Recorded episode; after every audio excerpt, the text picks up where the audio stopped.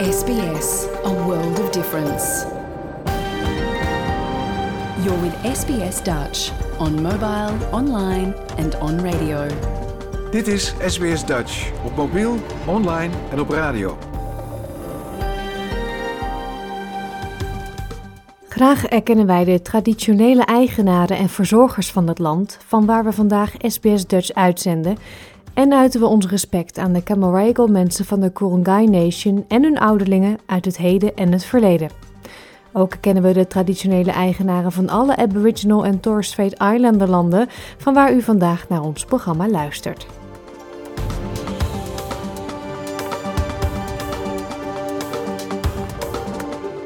Goedemorgen, mijn naam is Paulien Roesink. Het is zaterdag 22 april 2023 en u luistert naar SBS Dutch, het Nederlandstalige radioprogramma van SBS. Dit programma is vooraf opgenomen en daarom vandaag geen nieuwsbulletin, maar wel mooie interviews van de afgelopen maanden. Zoals het stoere verhaal van Mirjam Kleine. Ze trok vier maanden lang met haar twee tieners een auto en een tent door Australië. Waarom ze de kinderen meenam op avontuur hoort u straks. Verder een gesprekje met Paul Budde, die als vrijwilliger bij de Dutch Australian Cultural Center vaak door het rijke archief spit en daarbij op bijzondere informatie stuit. En we praten met fietsenverkoper Marcel van der Sluis over fietsen in zijn stad Perth en de opkomst van de elektrische fiets. Maar we beginnen in Albury, een stadje op de grens van New South Wales met Victoria. Door de bijzondere landing van het vliegtuig De Uiver in Albury in 1934 heeft de plaatselijke bevolking voor altijd een speciale band met Nederland. De Uiver Memorial Community Trust zet zich in voor het behoud van dit stukje gedeelde geschiedenis. Zo restaureert een groep vrijwilligers momenteel een originele DC-2-vliegtuig, hetzelfde type als de Uiver. Eind vorig jaar belden we met Pieter Mol, voorzitter van de stichting, om meer te weten te komen over dit bijzondere project. Jouw gemeenschap, jouw gesprek, SBS Dutch. Can you please take us back to 1934 and what happened with the Uiver in Albury? Well, in 1934, of course, there was a uh, uh, Melbourne was celebrating its uh, its centenary anniversary, and, and part of that uh, event was uh, an air race that was organised between London and Melbourne. Uh, KLM entered its latest and newest aircraft, which was a DC 2, an American built aircraft. Uh, but dur- uh, during the last leg of that air race, it became disorientated uh, over Albury because there were some very bad storms, thunderstorms in particular, and heavy rain between Charleville and Melbourne. And the people of Albury recognized, realized that there was an aircraft in the air in trouble, and the local radio station asked for people with vehicles to go out to the local racecourse because there was no airport at Albury in 1934. And so about 80 cars turned up at the racecourse and uh, shone all their lights onto, onto the center. The crew in the airplane recognized that there was um, uh, some help available because they'd been flying backwards and forwards for a little while already uh, and managed to land on the Albury racecourse with the help of, of obviously the, the local population uh, just on midnight. Uh, and the aircraft landed safely and became bogged um, in the center of the racecourse. Wow, just that is an amazing story. I imagine the pilot was very, very happy and very grateful. Oh, look, I, I think the the pilot would have been extremely happy having been in uh, not exactly a similar situation, but um, myself from time to time where uh, you're flying through, some pretty bad weather, and, and when you come out the, the, the bottom end of the cloud and, and there are lights in front of you with a runway, that is just the greatest feeling out. Um, and and these guys, they, they were just amazing airmen uh, to uh, to pull off a feat like that and land uh, such a what was in its day uh, very modern and and highly technical aircraft, very modern aircraft on a relatively well the equivalent to a postage stamp, um, not very much space at all. Um, beyond that, the, the, next amazing thing that happened the following day was that they managed to uh, gather the local population uh, who came out to have a look at this marvel of modern technology in 1934. Um, uh, people helped pull it out of the bog with on, on the end of ropes on the undercarriage um, and uh, onto some higher and drier ground. The airplane subsequently took off and continued its its uh, its journey to Melbourne and came second overall in the air race. Uh, yeah, so it was, was stuck just... in the mud. The people of Albury pulled it out and off he went and off he went. Uh, uh, took the, the, airplane took off again from the from the racecourse and landed in Melbourne successfully with no uh, no further drama, and uh, was declared the second aircraft to arrive in Melbourne out of about 34 airplanes that left England. Wow, that's amazing! But this made a, a big connection between the Uiver and and Albury. Yes, it, did. Um, the people of the Netherlands were, were very uh, grateful that uh, uh, KLM, of course, the, the national airline, uh, the, their aircraft was saved. And um, there's been a lot of communication and uh, uh, friendships that developed because of the connection between the Netherlands and um, the local people of Albury here, which has been ongoing through the um, uh, through the decades, even down to uh, to 2022. Yeah, I unfortunately have never been to Albury yet, so um, it's on my wish list because uh, you've got some interesting things in the area.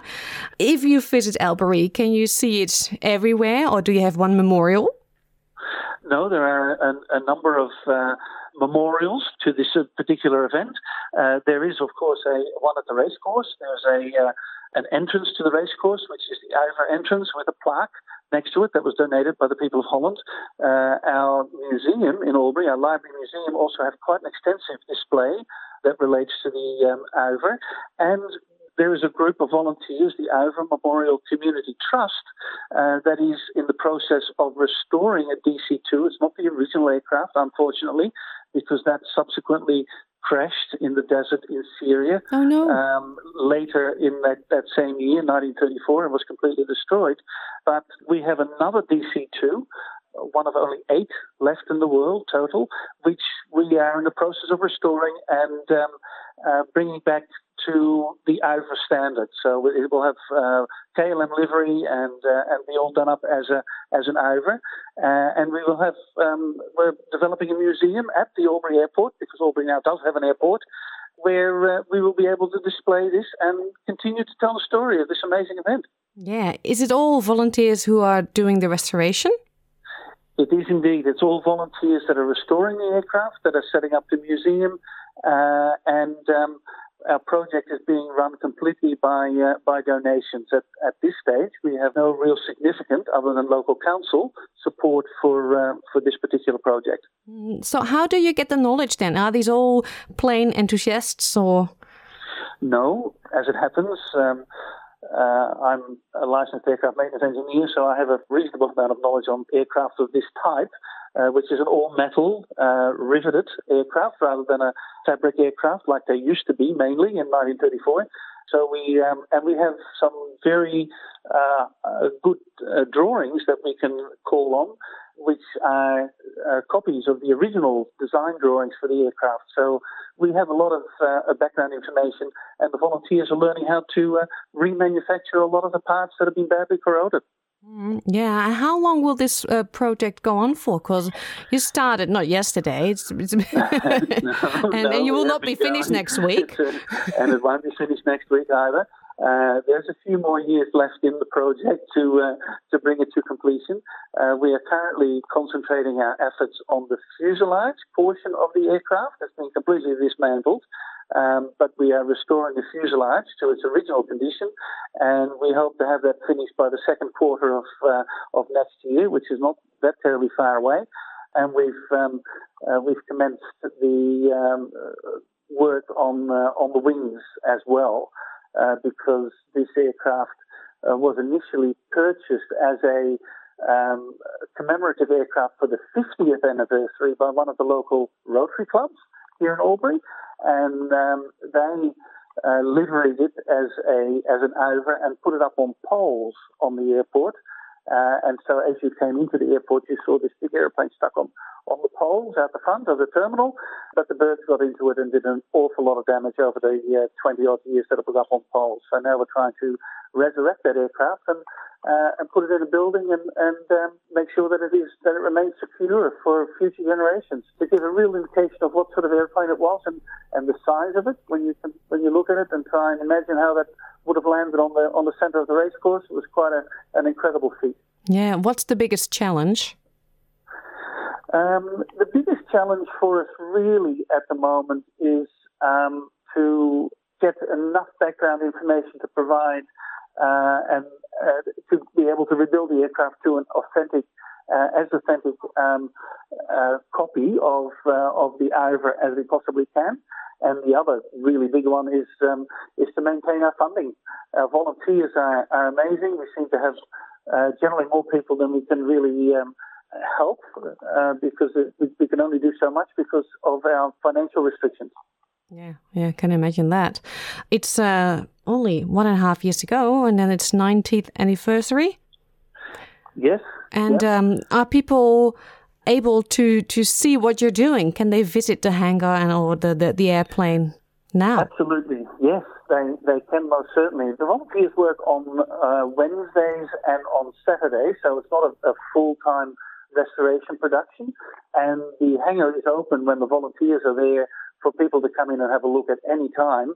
Or uh, the other thing is um, to access our website, um, the, the, UMCT or Arva Memorial Community Trust website, uh, and it also keeps uh, a record of how the um, uh, restoration project is going, where people can actually look at, at the photos that are being put up. Yeah, are you on track?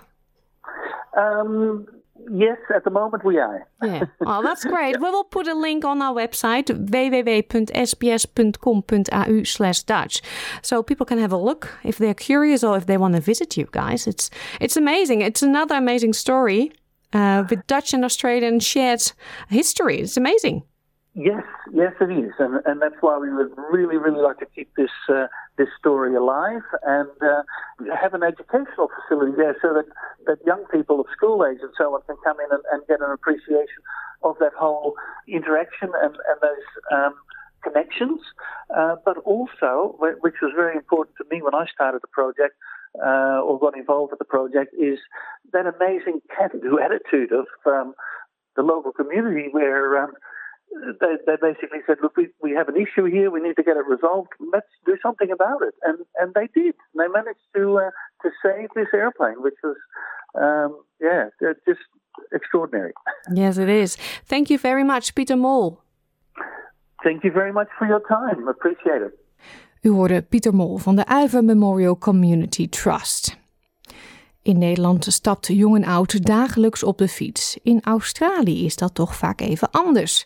Het is hier niet zo plat als in Nederland, wat het fietsen een stuk zwaarder maakt. En de wegen zijn op veel plekken niet fietsvriendelijk. Sydney is daar helaas een goed voorbeeld van. Melbourne en Perth daarentegen zijn voor Australische begrippen goede fietssteden. Een paar weken terug spraken we met vervent fietser en fietsenverkoper Marcel van der Sluis. Onder meer over de opkomst van de elektrische fiets en de verschillen tussen Nederland en een stad als Perth als het om de liefde voor de fiets gaat.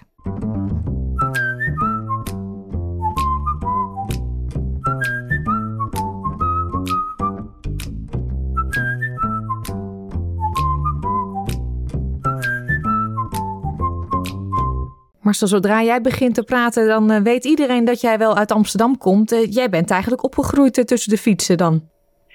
Helemaal, ja natuurlijk. ja, als klinkt toen ik drie jaar oud was, toen we amandelen gedraaid waren, toen werd ik wakker. En er stond er een klein fietsje voor me. als cadeautje, Beterschapscadeau. Ja, als cadeautje. Dus gauw beter worden en op de fiets, weet je, als klein, klein jochie. Ja, en heb je altijd liefde voor fietsen gehad?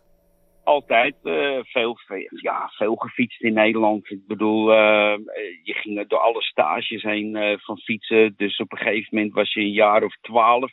Toen was het, de chopper-series waren toen erg populair. Dat was met een klein wieltje voor en een groot wiel achter.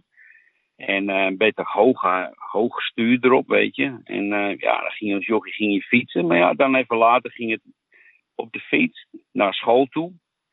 Um, ja, en toen je ouder werd, ging je natuurlijk op de brommer. Maar ik bedoel, uh, altijd wel gefietst in Nederland hoor. Altijd. Al, ja, het was het enige vervoer dat je had toen je nog geen, geen brommer rijden mocht, hè? Nee, en Amsterdam is denk ik wel voor uh, de meeste toeristen en misschien ook wel gewoon voor Nederlanders die daar niet gewend zijn te rijden, een verschrikking. Ook eigenlijk om te lopen, want je wordt van alle kanten denk ik door fietsers benaderd. Um, is het het toeval dat jij nu in Perth dan in een uh, elektrische fietsenwinkel werkt? Nou, het is, dit is, het is, ja, je kan zeggen het is een toeval. Um, ik was bedrijfsleider ergens anders voor 17 jaar lang. En ja, het bedrijf ging door veranderingen heen. En toen, uh, ja, toen werd ik redundant gemaakt op dat moment. En toen heb ik even een tijdje niks gedaan. En toen zag ik deze, deze baan openen uh, om, een, uh, een electric bike shop te managen.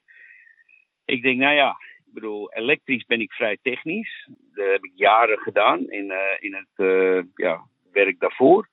En en fietsen, ja, dat, deed ik hier ook al. Ik heb uh, twee, drie fietsen. Ik rij, ik rij mijn racefiets reed ik bijna elke dag naar het werk toe. Dus fietsen, ja, toevallig. Ik denk, hé, hey, het is weer eens een, uh, een challenge, hè, noemen ze dat. Nou, je bent niet de enige, want ik las um, toen ik mijn huiswerk deed, zeg maar, dat één op de vier mensen in Perth in 2020 wekelijks op de fiets zat. Dus er wordt bij jou veel gefietst. Er wordt ontzettend veel gefietst hier. En de infrastructuur voor het fietsen wordt steeds beter ook. Ze zijn nu op het moment, ik weet niet of je dat weet, langs de Mitchell Freeway. Het is de, is de grote freeway die van Perth, helemaal, van Perth helemaal naar het noorden gaat. En die zijn ze helemaal aan het, uh, ja, uh, fietsenpaden aan het aanleggen en aan, aan het verbeteren. Dus als mensen nu naar het werk, werk willen rijden, dat het makkelijker gaat. En ze willen dat het verkeer natuurlijk minder wordt. Want ik, ik zat net zoals, je, zoals ik zei, ik zat op de weg. De freeway die zat vijf banen dik. En het, is, nou, het was negen uur en het zat stampvol. Dus als je op de fiets naar het werk zou gegaan zijn, ja, dan gaat het allemaal voorbij, heel makkelijk. En ja, je bespaart jezelf een hoop ellende, weet je. Je zit niet in de file, je wordt fitter, je hebt de vrijheid. Het is ontzettend goed natuurlijk, dat fietsen. En het wordt steeds meer populairder. Dat kun je gewoon merken. Ja, de, de, de Aussies die, die zien ook wel dat dat uh, voordelen heeft. En merk je ook, want dat zien we in Nederland en daar horen we ook wel veel geklagen over, dat de elektrische fietsen, sorry, die verkoop jij, dat dat, um, dat dat in opkomst is bij jullie. In Nederland is dat zo en ja, die fietsen kunnen soms heel hard en daar schrikken mensen een beetje van, want je hoort ze niet. Hoe is dat in Perth? Nou, kijk, zo even om alles een beetje goed neer te zetten. De wet in Australië is dat een elektrische fiets is gelimit tot 25 km per uur uh, geassisteerd te fietsen. Dus alles over 25 moet je zelf doen, maar tot 25 km per uur word je geholpen door, de, door het elektrisch systeem natuurlijk. Daar staat de wet voor. Er worden natuurlijk fietsen geïmporteerd uh, uit andere landen. Ja, en die gaan sneller. Maar daar is natuurlijk in West-Australië zijn ze, is de politie. Uh, ja, die proberen dat natuurlijk allemaal een beetje te controleren en in de hand te houden. Want het is allemaal illegaal. Je mag, eh, de wet zegt, een 250 watt elektrische motor. En dat mag maar uh, gaan tot 25 km per uur geassisteerd fietsen. Ja, dus daar zitten ze hier wat meer bovenop dan in Nederland. Zoals met wel meer dingen, denk ik. Um, ik geloof de wet is hetzelfde als in Nederland. Uh, mag je ook maar tot 25 km per uur geassisteerd fietsen. Maar dan hebben ze die andere wet ook nog, fietsen die 50 km per uur gaan. Maar ja, die moeten dan weer een, um, hoe noem je dat hebben? Een license hebben, weet je. Die moeten, uh, die moeten geregistreerd zijn. En daar moet je voor betalen. Dus, maar een elektrische fiets die tot 25 km per uur geassisteerd is, um, is uh, gekwalificeerd als een normale fiets. Ja, en merk je verschil tussen de liefde voor de fiets tussen Australiërs en Nederlanders? Ik denk dat menige Nederlanders opgevoed dat hij zelf zijn band kan plakken. um, en anders ga je naar de fietsenmaker. Uh, hier persoonlijk aan de oostkant, in de deel van Sydney waar ik woon, zie ik een menig fiets gewoon uh, aan de weg gegooid worden als er council clean-up is, bijvoorbeeld. Um, nou ja, mensen, oude fietsen natuurlijk, die worden, die mensen die, die hebben een oude fiets, die willen er vanaf. Maar um, meeste mensen hier, die komen bij ons dan een fiets brengen om hem te repareren. Um, of een service te geven. We zorgen dat de remmen goed zijn, de versnellingen goed lopen.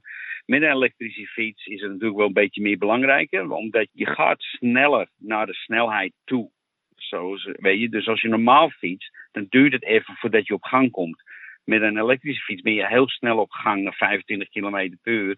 En als je daar constant rijdt en, en dan elke keer hard remt, dus die remmen moeten nagekeken worden, dat is wel een beetje technisch voor een hoop mensen. Um, zelfs voor een heel, heel Europeaan ook. Dus die komen hier rond de fiets afbrengen bij ons. En dan worden ze gerepareerd. Um, maar ja, banden plakken. Uh, ja, veel mensen doen dat niet meer. Uh, dat heb ik wel gemerkt. Nee, technisch, nee, de technische hand daar zo, ja, die, de, wel bij de oudere generatie, bij de jongere generatie is het meer van, ah, oké, okay, laten we maar uh, naar de fietsenwinkel brengen, want die kunnen er maken. En dat is het. Dat is makkelijker inderdaad. Nou, wil het toeval dat er bij jou in de winkel nog een Nederlander werkt. Zien jullie ook veel Nederlandse klanten? We zien, uh, we hebben Nederlandse klanten, ja, toevallig wel. Uh, en we hebben ook veel, omdat we ons merk is zijn van Duitse fietsen ook. En, en we hebben veel Europeanen, um, Spanje, Turkije, Duitsland, België, Frankrijk, Brazilië. Weet je, klanten van de hele wereld eigenlijk komen door de winkel heen.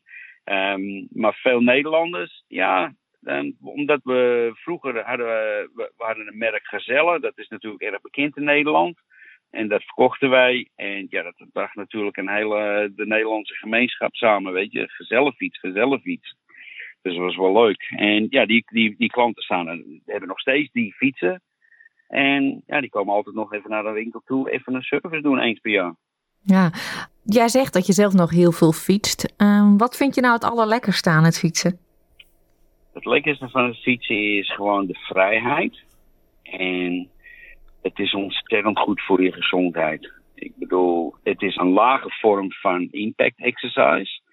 Dus ontzettend goed voor het lichaam, voor je bloedsomloop. Weet je, het is niet uh, hard op je, op je lederen, laat ik het zo zeggen. Al je knieën, je armen, weet je. Ik bedoel, het is gewoon lekker. Je, je fietst gewoon, je hebt de vrijheid. Je voelt de wind door je haar.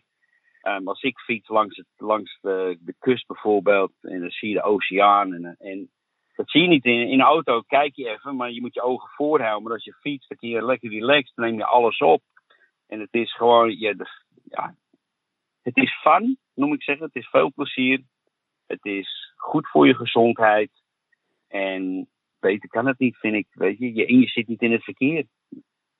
Ja, dan ben je al heel wat jaartjes weg uit Nederland en Amsterdam. Zou je daar nog de fiets op durven stappen?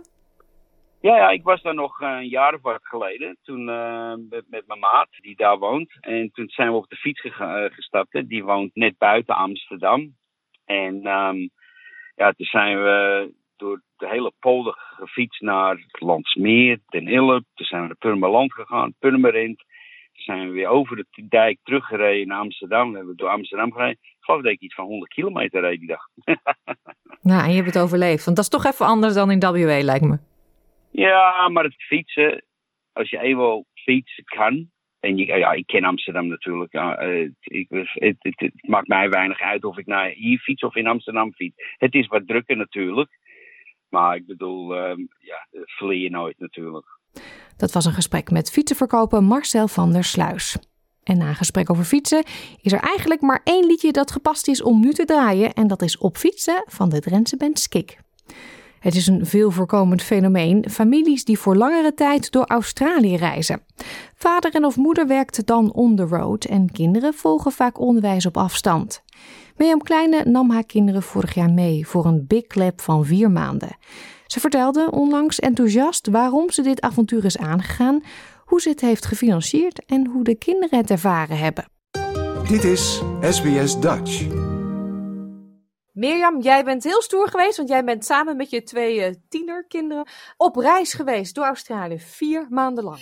Yes, super stoer. Helemaal in mijn eentje, alles zelf helemaal afgereden. Uh, soms dacht je wel eens van, oh my god, hier komt geen eind aan. Maar yes, ja, met een tent en de auto. Ja, en niet een tent op het dak, dat je veilig Nee, nee, op de nee. grond ligt. Nee, Nope, gewoon een tent. no, no. En eh, voor alle Nederlandse luisteraars is wel grappig. Het was een hele leuke winkelketen waar je special buys kan kopen. En ze hadden toen die pop-up tents. Zo, je legt hem uit op de grond en het is van, die, van het kliksysteem. Je dacht, oh, dat is handig. En we zijn één keer hebben het getest in ehm, Agnes Waters. En toen dacht ik, let's do this. ja, het was eigenlijk, ah, natuurlijk, we hebben, ik heb al twee jaar lang gespaard. Ehm, dit gaat natuurlijk niet zomaar. Like mensen denken dat je gewoon maar weg kan gaan en je werkt wel onderweg. Dat kan wel als je met z'n tweeën bent, denk ik, en dan je kinderen. Maar als je alleen bent met, Daan was 11 en Sanne is 14.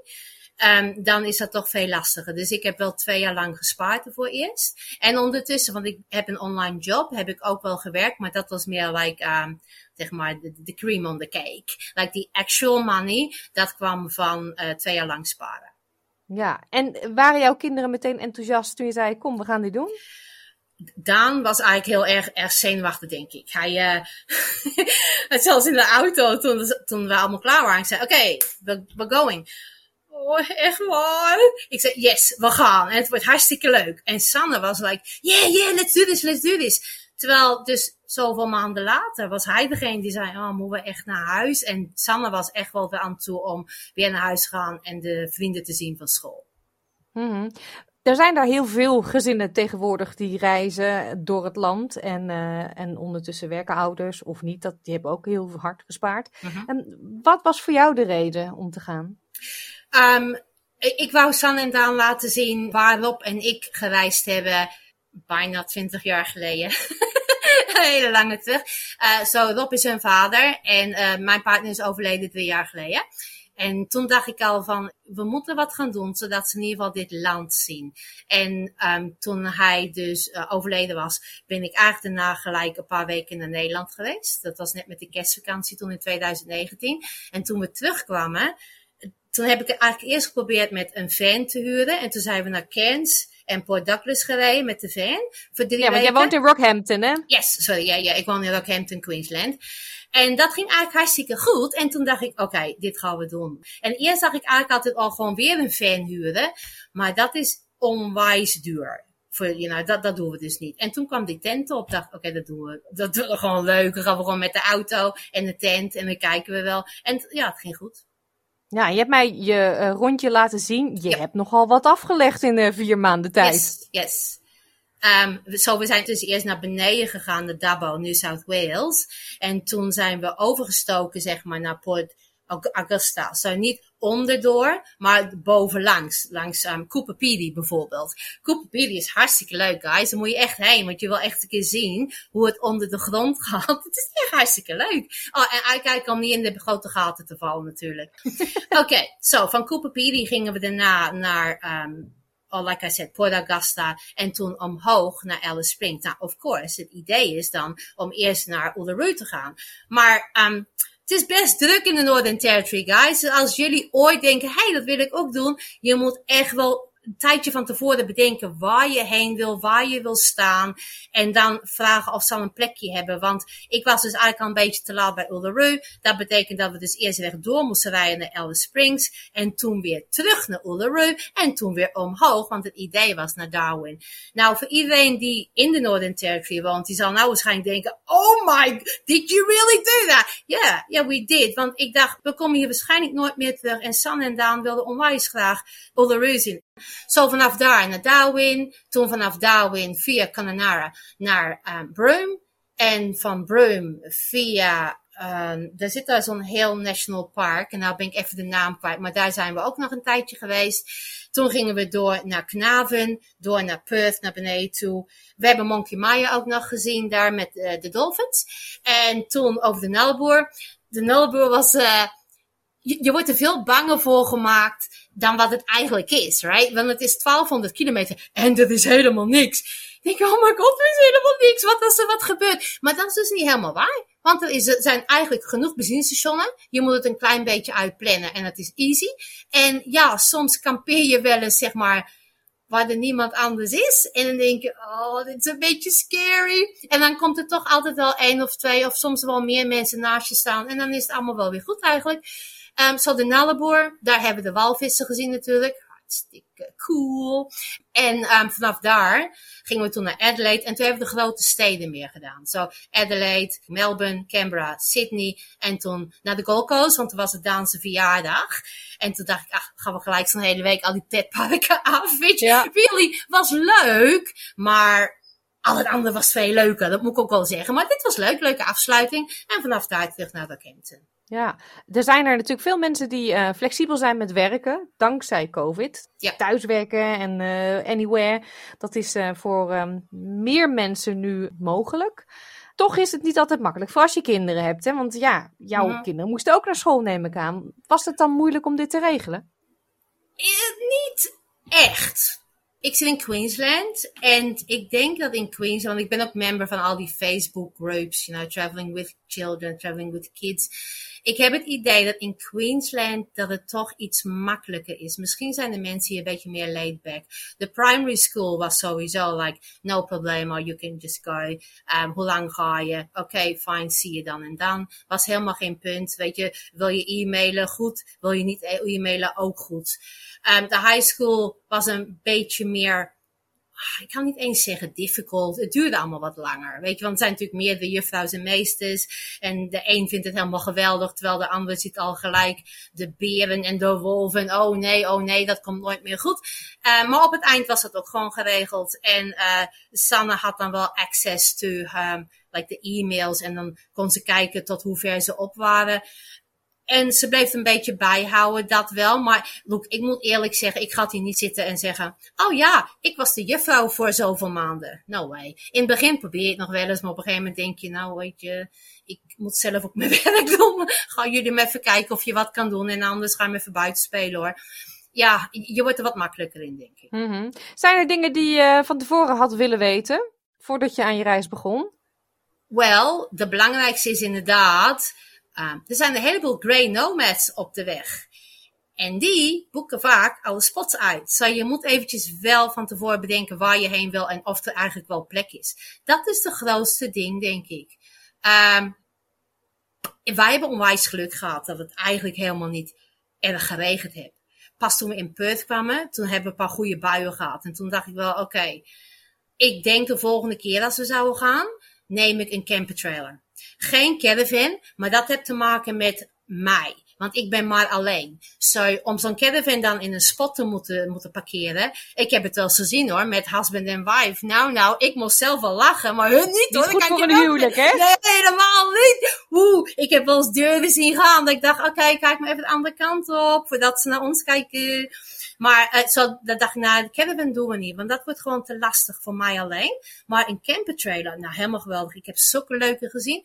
Dat zou ik wel willen de volgende keer. In plaats van een tent. Want op een gegeven moment tent is cool en is stoer. Maar je moet er wel elke keer op het dak van je auto kunnen gooien. En weer oppakken en weer uitzetten en opzetten. En op een gegeven moment word je een beetje gek in je hoofd, moet ik zeggen hoor.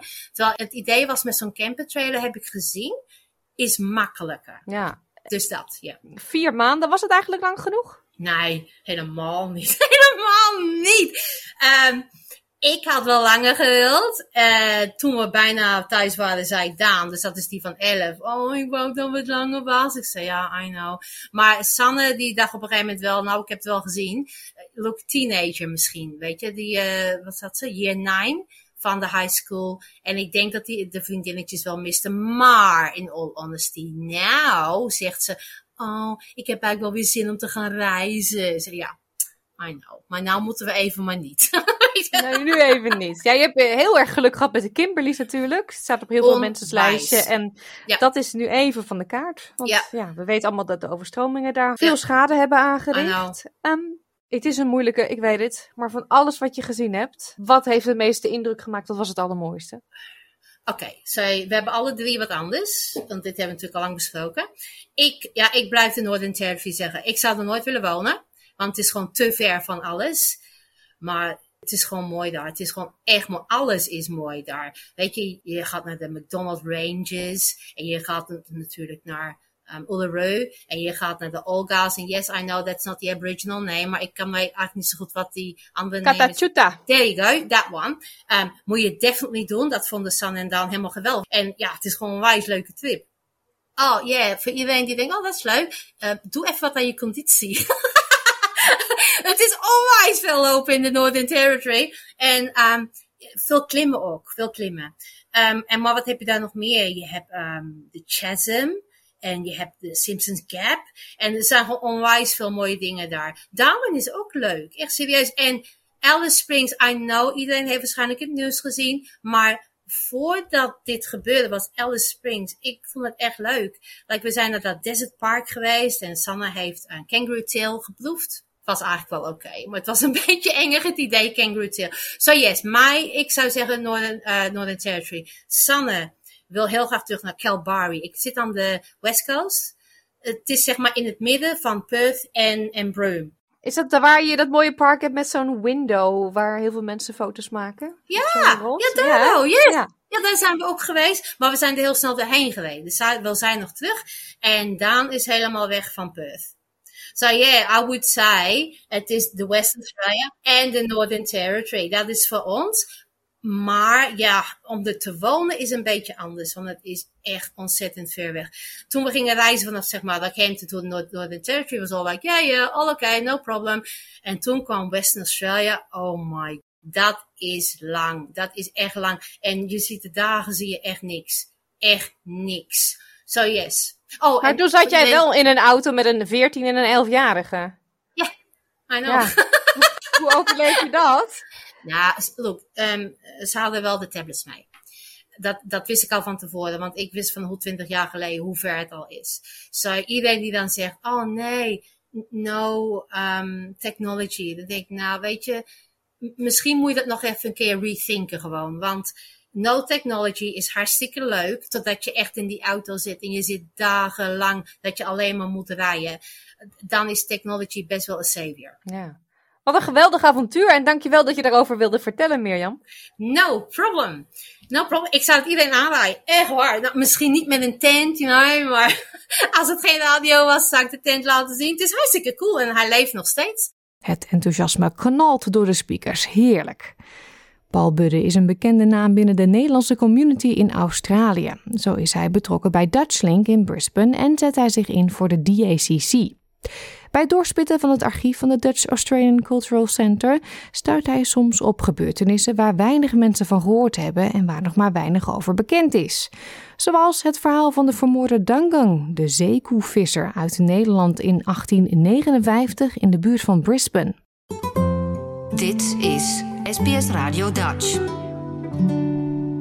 Ik stel me zo voor, Paul, dat je dan op zo'n dag uh, door het archief van de DACC zit te struinen. En dat jij dan in één keer iets ziet dat je denkt: hé, hey, hier heb ik nog nooit van gehoord. Ja, dat komt eigenlijk zeer regelmatig voor, uh, Paulien. Dat, uh, die wow-factor, die is er elke keer weer. Want er zijn gewoon dingen waarvan uh, we helemaal niks, uh, niks vanaf weten. We hebben een keer gesproken over uh, kamp Columbia in de Tweede Wereldoorlog en, en het feit dat de Nederlands-Indische regering in, in ballingschap hier was. Nou, dat weet ook bijna geen hond. zowel niet onder de Nederlanders als onder de Engelsen. Dus daar kwam weer een heel verhaal uit. En ja, kom je wat verder tegen Rijk, kom, kom ik in een heel klein lijntje in een, in een boek dat drie vissers uh, om het leven zijn gebracht door aboriginals in 1854 en eentje daarvan is een Nederlander. Ja? Wauw, ja, nou, uiteraard, dat zijn allemaal dingen. Was er in 1854 dus al een Nederlandse visser hier in Brisbane? Ja? Hmm. Nou, dat zijn dan toch hele interessante dingen die, die je dan zo tegenkomt. Ja, en dan denk jij niet van, oh, oké, leuk. Maar jij denkt dan, daar wil ik meer over weten. Hoe dan? Wat ja, dan? Dat, dat, dat, ja, dat, dat is mijn, mijn hobby, om dat dan verder te onderzoeken. Zeggen. En, en, nou, en nou wat meer, ja. En er komen weer hele andere dingen terecht. Dus zo kwam ik van hieruit terecht het feit dat er in, ook in datzelfde jaar, eh, 1854, dat er dus drie Nederlandse schepen zijn eh, op het reef zijn vastgelopen en, en, en, en vergaan. Uh, en een ander Nederlands schip, de Bato, die dan drie schepen helpt met het, het, het, oppikken van schepelingen van drie schepen, ook allemaal in dat jaar. Nou, dus ja, het zijn hele interessante dingen die je dan zo, uh, die je dan zo tegenkomt. Over die visser, hij jaagde op uh, zeekoeien. Ja, het kan zijn dat die dugongs heten in die, in die tijd. Maar nu staan ze bekend als dugongs. Je, moet dat zien. Dat, op dat moment was het ook, uh, ook, ook heel interessant om dat te plaatsen in de context van die tijd. Je praat dus over 1854. Je praat over een tijd waar Queensland nog niet bestond. Dat was onderdeel van New South Wales. Brisbane was pas in, uh, in 1840, 42 werd die opengesteld nadat het een, een gevangenkolonie was voor settlers. En dan krijg je in één keer die enorme toevlucht van, van settlers die zich dus hier in um, Brisbane en in Queensland gaan vestigen en die steeds verder in het noorden het land intrekken. En dan krijg je dus die oorlogen met, uh, met de Aboriginals. En in die context moet je dat zien, want op een gegeven moment die zijn dus de settlers, ja, de squatters zoals ze dus heten, die nemen het land over en die jagen de aborigines er vanaf. Nou, de aborigines moeten daar hun eigen voedsel vandaan hebben, die hebben daar hun eigen sacred sites. En ja, die nemen dat niet zomaar. Dus op een gegeven moment pakken die de wapens op en beginnen die te vechten tegen de, tegen de, de, de squatters en de settlers. Uh, hetzelfde moet gezien worden met deze vissers, ja, waar dus de aborigines, die jaagden op de dugongs en die visten. En dan krijg je in één keer dus concurrentie van vissers, ja, witte vissers, van nieuwelingen. En ja, dat, dat wordt dan niet uh, zomaar aangenomen door die aborigines. En in dit geval, heel triest, loopt dat af door de moord op die drie vissers. Eentje was een Australiër of een Engelsman, een tweede was waarschijnlijk een Amerikaan en de derde was een Nederlander. Nou, ik wist helemaal niet dat er al zo vroeg Nederlanders dus hier in, uh, in Brisbane waren. En we hebben ook helaas niet kunnen achterhalen of de, wat de naam is. Ja? En, en, maar goed, we weten nou iets meer. En vaak is het dan zo, als je dan weer verder gaat, dan kom je weer andere dingen tegen. En wie weet krijgen we nog eens een keer te zien wie nou die Nederlander was. En hoe die daar in Brisbane kwam, eh, in die hele begintijd van Brisbane eigenlijk pas begon te ontstaan. Ja, dat is dan toch een klein beetje onbevredigend lijkt me, dat het op een gegeven moment een beetje doodloopt, het spoor. Nou, dat heb je met research elke keer. Ja? Als je dus dik gaat onderzoeken, dan kom je altijd weer op een gegeven moment een dood spoor terecht. En dan heel vaak, uit een totaal onverwachte hoek, krijg je weer eens in één keer een link waarvan het zegt, ah, kijk, nou past dat bij elkaar enzovoort. Dus uh, vaak is het toch zo dat je dan uiteindelijk wel weer verder komt. Maar soms is het ook een kwestie van, ja, that's it, meer is er niet bekend, dat was het, op naar het volgende project. Ja, en dat zijn dan in dit geval die drie schepen? Ja, dus ik kreeg te horen van, van iemand hier in Brisbane, er is uh, Jane Robertson, die is een doctoraal student op de Griffith University en die houdt zich bezig met het onderzoek naar foreigners in Brisbane in, tot aan uh, 1859, toen Queens dus een eigen staat werd. En ik heb met haar contact opgenomen en zij zegt, nou, ik ben geen Nederlander tegengekomen in die tijd, het zijn bijna allemaal Duitsers. Honderden Duitsers zijn toen naar, naar Brisbane gekomen in die tijd. Maar zij zegt van, ik heb wel weer wat anders. En er is een schip, de Hessel, uh, en die is op een gegeven moment uh, vergaan. Dat was een Nederlands schip. En dat schip, de Hester, die is ongeveer 300 kilometer in uh, het buitenrief is die, is die vergaan. Ter hoogte van Cairns, ja. Die mensen zijn opgepikt, die zijn in Queensland terechtgekomen en uiteindelijk zijn die, zijn die weer naar, naar Sydney verhuisd. Nou, toen ik daar ging kijken, kom ik tegen dat in diezelfde maand de Doelwijk, een Nederlands schip, loopt ook vast op het rief en vergaat ook nog. En toen hield het helemaal niet op, want toen kregen we op een gegeven moment nog een derde schip, de Maria Sophia, een Dutch schooner, die ook in diezelfde maand, in juli 54, tegen het rief loopt. Zes levens zijn er verloren. En die, um, uh, ja, dat is dus ook een schip vergaan. En dan een paar jaar later was het uh, dus een, een, Nederlands schip, de Magda, in 1858, die ook op het rief uh, vastliep. En ja, zo kom je dan in één keer in dat verhaal terecht. En daar hebben we bijna, van al die schepen, hebben we wel meer informatie. Daar weten we wel weer van wie de kapitein bijvoorbeeld was. En, en, en er zijn in sommige gevallen, zijn, zo'n kapitein schrijft dan later een verhaal, want de kranten vinden dat natuurlijk allemaal helemaal sensationele verhalen. Dus uh, dan kom je dat soort zaken weer, kom je dat weer tegen. Nou, mensen die hierin geïnteresseerd zijn, die verhalen heb ik ondertussen op de DACC-website gezet. En als je dus naar dacc.net.au gaat, dan kun je die verhalen daar eh, zelf ook lezen. Ja. Zowel van de dugong als van de, de schepen die op het rief zijn verlopen. Een ander interessant verhaal die daarbij kwam, dat een ander Nederlands schip, de Bato, die heeft toen in diezelfde maand, in 1854, juli 1854, schepelingen opgepikt van drie andere schepen. Dus ja, een heel interessant verhaal. Dan vraag je af, wat was er aan de hand in juli 1854, dat zoveel schepen vergingen?